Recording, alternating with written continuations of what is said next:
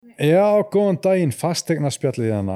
Ég heiti Baldur Ég heiti Karolína. og við ætlum að fara aðeins yfir greiðslumat. Hvað er hægt að kaupa og hvað er að klikka í dag? Hvað þarf að hafa í huga þegar þetta fara í greiðslumat? Fyrstu kaup, endur fjármögnun, uh, þetta kaup og selja. Fasteigna spjallið.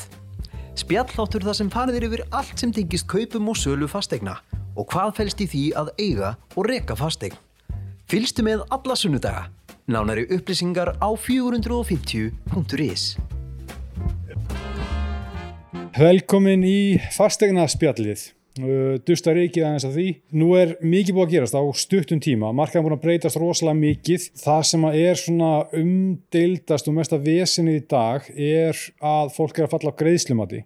Fyrstu kaupendur er náttúrulega þriðjungur af öllum kaupendum og það að missa þriðjung af markaðinu sem er svona mögulega aðgerast og svona byrjað að gerast er ekki gott af því að keðjuna þurfa alltaf að enda. Og með eign sem selst og það fyrir að vera um sölu og það er alltaf minni og minni eign, eitthvað kaupir einbýlishús fólki sem á raðhúsið fyrir upp í einbýlishúsið fólk sem á fjaraherbyggíbúð fyrir í raðhúsið og eitthvað staðar þarf þetta að enda. Mjög erfitt fyrir fyrstu kaupendur að fara inn á markaðinn. Já, og líka bara magna að sjá úr því að mikið einstakling voru að kaupa yfir í pör eiginlega engöngu núna Já, og það er náttúrulega bara eiginlega ógerlegt að vera einstaklingur upp á tekjunar, eins og Já. vorum að tala um bara með lánin. Það verður gaman að fara í gegnum svona mismundi lán. þú þarft að vera með svo háar tekjur sem einstaklingu til að fá lán og það er eitthvað um skilnaði eins og gengur og gerist alltaf og það er, getur verið vandamál að par sem á kannski svona milli stóra eða stóra eign og er að selja og þarf að fara að kaupa sjálf þú náttúrulega getur ekki verið áfram með makanum í þessari faktin og þarft að selja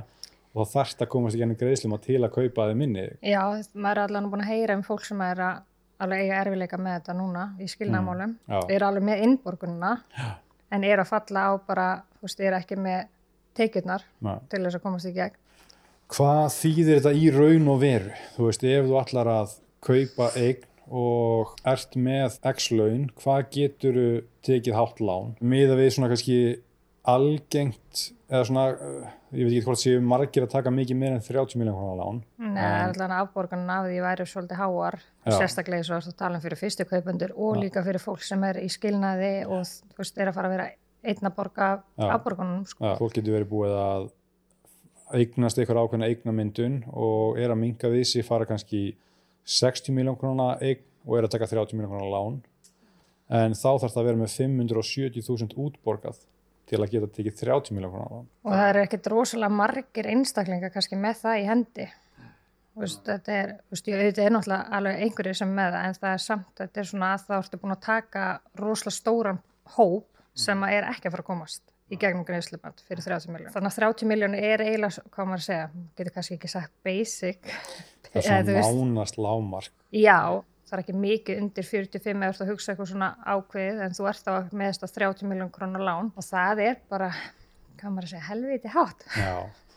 Með fyrstu kaupendur, uh, típist dæmi, sem við tókum í gær sem við reknum aðeins út. 55 er svona típist þó þessi hægt að finna lagra. Já. og 55 miljón krónar eign þá í fyrstu ykkur getur náttúrulega verið með 40% ráðstöðunartekjum. Þá er þess að útborgu laun 40% af því að afborgun má ekki vera hærri heldur en það. Í þessu dæmi að 45 í staðin verið 35 þýðir það að fyrstu kaupandi fyrir 43 miljón krónar lán ef við miðum við þess að 55 miljón krónar eign hann á nýju, þarf að eiga nýl 12 miljónir ef hann tekur 43 miljón krónar lán þarf hann að vera með 680.000 krónar útborgað.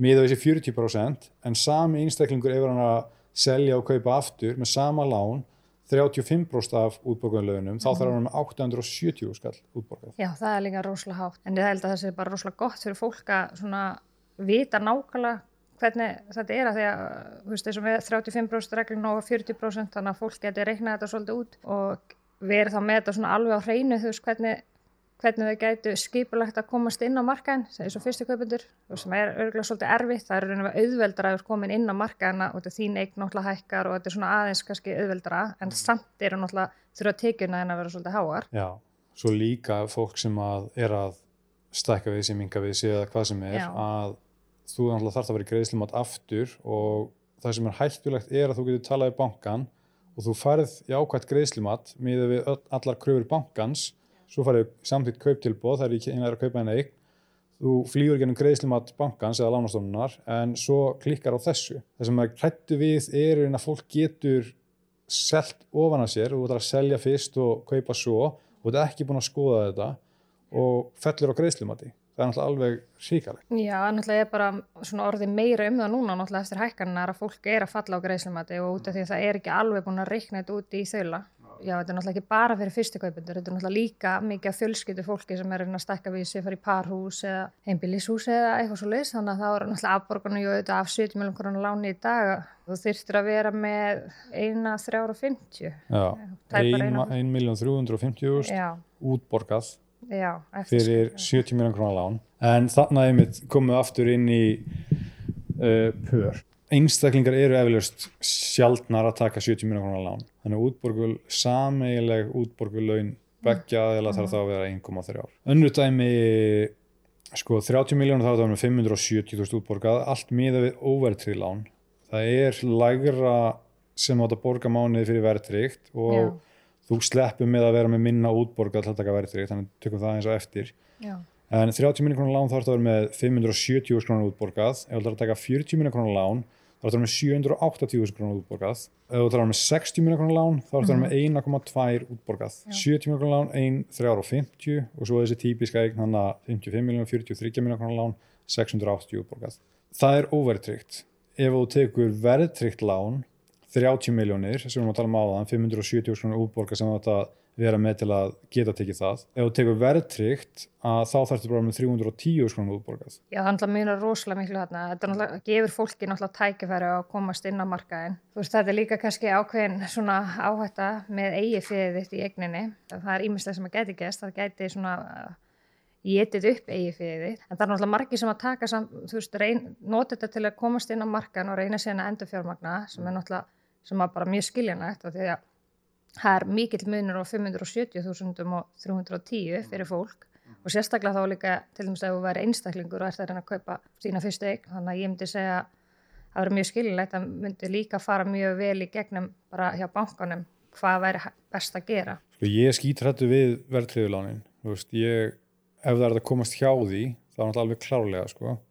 en fyrir fólk sem er að reyna að komast inn á markaðin að maður skilur pælinguna að þetta er einu, einu eina sem er í bóði en náttúrulega eins og segir fylgir í áætta að ef að verðbólgan fer áfram á flug og, og eikstali svakalega þá getur þessi peningur sem þú þessar 10 miljónum sem þú settir eigna fyrst þá getur, getur mist, mist það því rauninni ef að fastina verður hækkar ekki mikið. Ef fastina verður stendur í stað, verðbólgan fer á flug þá hækkar henni láni og þessar 10 miljónum geta minkað eða þú veist ef þú, þú þart síðan að selja Já. og eignamyndunin eða eigið fyrir búið að minka Já það er náttúrulega alveg eða stu rosalega slæmt, veist, það er oftast fyrstu kauputur sem er kannski að gera ráð fyrir síðan kannski stakka fjölskyldun og ætla að kaupa sér í framtíðinni kannski eitthvað, einhverja stærri eign þá er þetta kannski svolítið erfitt ef að væri búið bara að geta upp allt eigið fyrir sem átt í eigninni. Ég myndi líka samt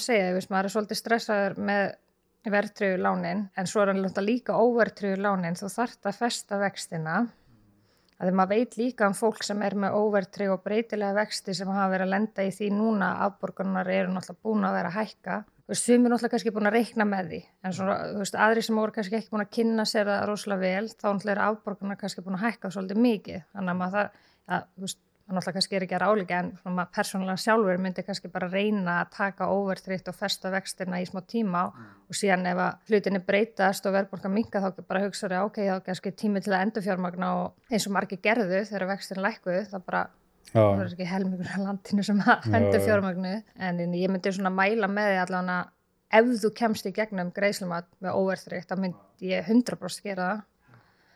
En, en ég skil hitt líka þú veist að reyna að komast inn á markaðin og þú veist það er erfið, þú er kannski búin að vera að sapna pening þannig að maður skilur það alveg líka þú veist þetta er svona smá svona þvingar í, í þessar stöði Svo er svo erfitt að segja hvort er betra því að einmitt staða fólks er svo rosalega mismundi og hvort þú er tilbúin í meira áhættu með verðrikt og komast inn á markaðin eða hvort þú viljir sapna meira og, bara vera með meira öryggi og þessum margt sem spilar inn í þannig að maður geti sagt hvort er betra sko. líka bara ekki tala bara einn og spurja, þú veist bara sækja þessu upplýsingar, læra muni hvað er verðtrygt, óverðtrygt hver er áhættan, uh, spyrja pappa, mömmu, frænda, frængu, bara e- eitthvað fólk í kringum að reyna, þú veist, ef hún nærð tíu manns og getur myndað skoðunum frá því, það er náttúrulega langt best sko, í staðin fyrir að hlusta á eitt sem að finnst eitthvað betra heldur en annars. já, sko. já, algjörlega eins og, eins og maður er náttúrulega núna bara að segja frá manni, þú veist, persónulega þú veist, þá myndi maður kannski taka óverðrikt en ég myndi til dæmis eins og þú ert að segja, þú veist, líka bara fara þú veist, þú ert kannski með þinn banka en farðu líka í hina bankan og sjáðu bara og farðu, farðu í lífeyrissjóðinst, aðtóa alla staði hvar þú átt rétt á. Þú veist, því að það, það er margs, margir góði hluti sem að gerist bara úr þessu, bara að þú ferð og tjekka bara að fara að aðtóa hvað er í bóði það er náttúrulega mismöndi kjör, eins og hún líka að tala um gær, Íslandsbanki er náttúrulega með aðeins strángara þau eru með 30% í stað fyrir 35% þá eru það 30% af sagt, rauntekjum Svo getur það breyst bara. já, á já, já, En, en þú veist, en eins og bara þetta veist, þessi, þarna er bara lítil 5% já, en samt, þú veist, er mjög mikið. Já. þannig að þú veist, þá getur þú hugsa bara, já, ok, það kannski henda mér þá betur að prófa eitthvað annað, þú veist, að meðan það getur verið mismyndi og svo bara eins og lífverðisjóðin fólk er kannski ekkert mikið aðtöða bara, já, hver er mín réttindi hér, þú veist, á Mm. ég rétt á veist, láni frá lífverðisjóði sem að getur verið bara mjög góð, sko. Já, já, getur verið mikið betri í einhverjum sko. Svo líka bara með greiðslumati sjálf, það er svo sorglegt að það munar litlu, þú nærið ekki að því að munar bara, þú veist að taka, þú veist, 300 skrónum og hátt lán. Já, að komast í einu greiðslumat og ef þú ert að mörkunum með þessi 35% ef þetta er 36 eða 37 þú veist, spurja, þú veist, bara Já. beint út þann hérna sem er að, í bankanum að ráðleikja manni, hvað get ég gert eins og margir þekki að færa bílinn á milli skráan eitthvað annan, þú veist hvort að það kom eitthvað aðeins betur út eða ef það þarf aðeins til að komast yfir línuna til að ná greiðslumati þau taka náttúrulega inn eins og þú veist að segja bíl, börn. Mm þetta er svona skrá börnin á okkur annan.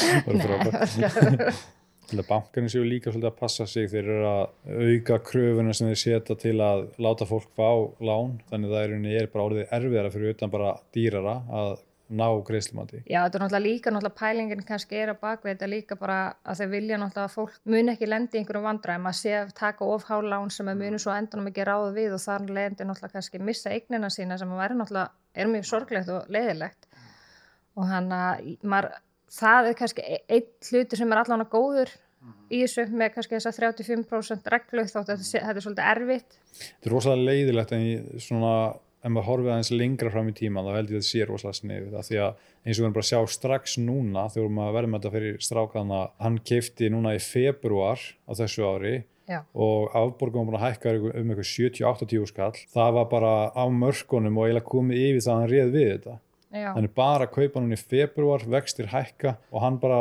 var að hugsa þú veist, á ég að selja og fara aftur á leigumarka eða á ég að minka við mig Mm. ég get alveg trúaði ef að það er ekki verið að bremsa markaðin af núna þá verður höggið meira setna þannig ég held að sé þó að Já. sé fúlt og fólk næri ekki greiðslumati, getur ekki keift að í heldina held ég þessi betri kostur heldur en að fólk fara að missa eignir eftir 2-3 ár þau eru náttúrulega örgulega vonandi að hugsa líka að hlutinni gerist ekki eins og í hruninu Mhm. hellingur af fólki sem misti eignina sinnar Já. og við viljum náttúrulega ekki sjá að það endur tækir sig Nei, þannig að auðvitað er, viljum að frekar vera örugur mm. þetta er heillandi fyrir fólk sem er að fara að marka en þú horfir á verðtrykt og það borga kannski 160 skallar lán í staðin fyrir 260 Já, ég, svo hef ég líka heyrt sko að fólki sem er að með verðtrí lán í meira svona eignum sem það eiga til þess að leigja út. Og eru kannski þá meira að taka sensin, þú veist, þá er það kannski ekki heimilið og kannski þóra meira að taka sens, þú veist, á þessu.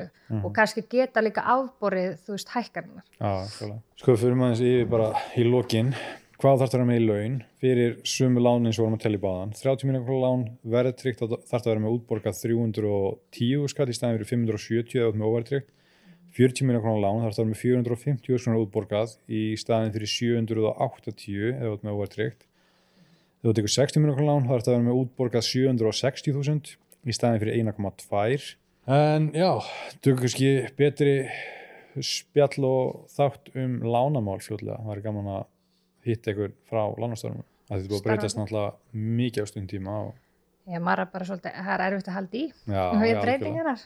Svo maður ringir og tala við lánastofnum það er allt búið að breyta síðan maður talaði það síðast þú veist bara kröfur og allt Já, svo náttúrulega eru þau líka svolítið að breyta útreikningunum sem eins og við komum svo náttúrulega að þarna Mhm, já. og allir voru með mismunandi formúlur fyrir þú veist hvernig reiknuðu. Fáránlegt, sko.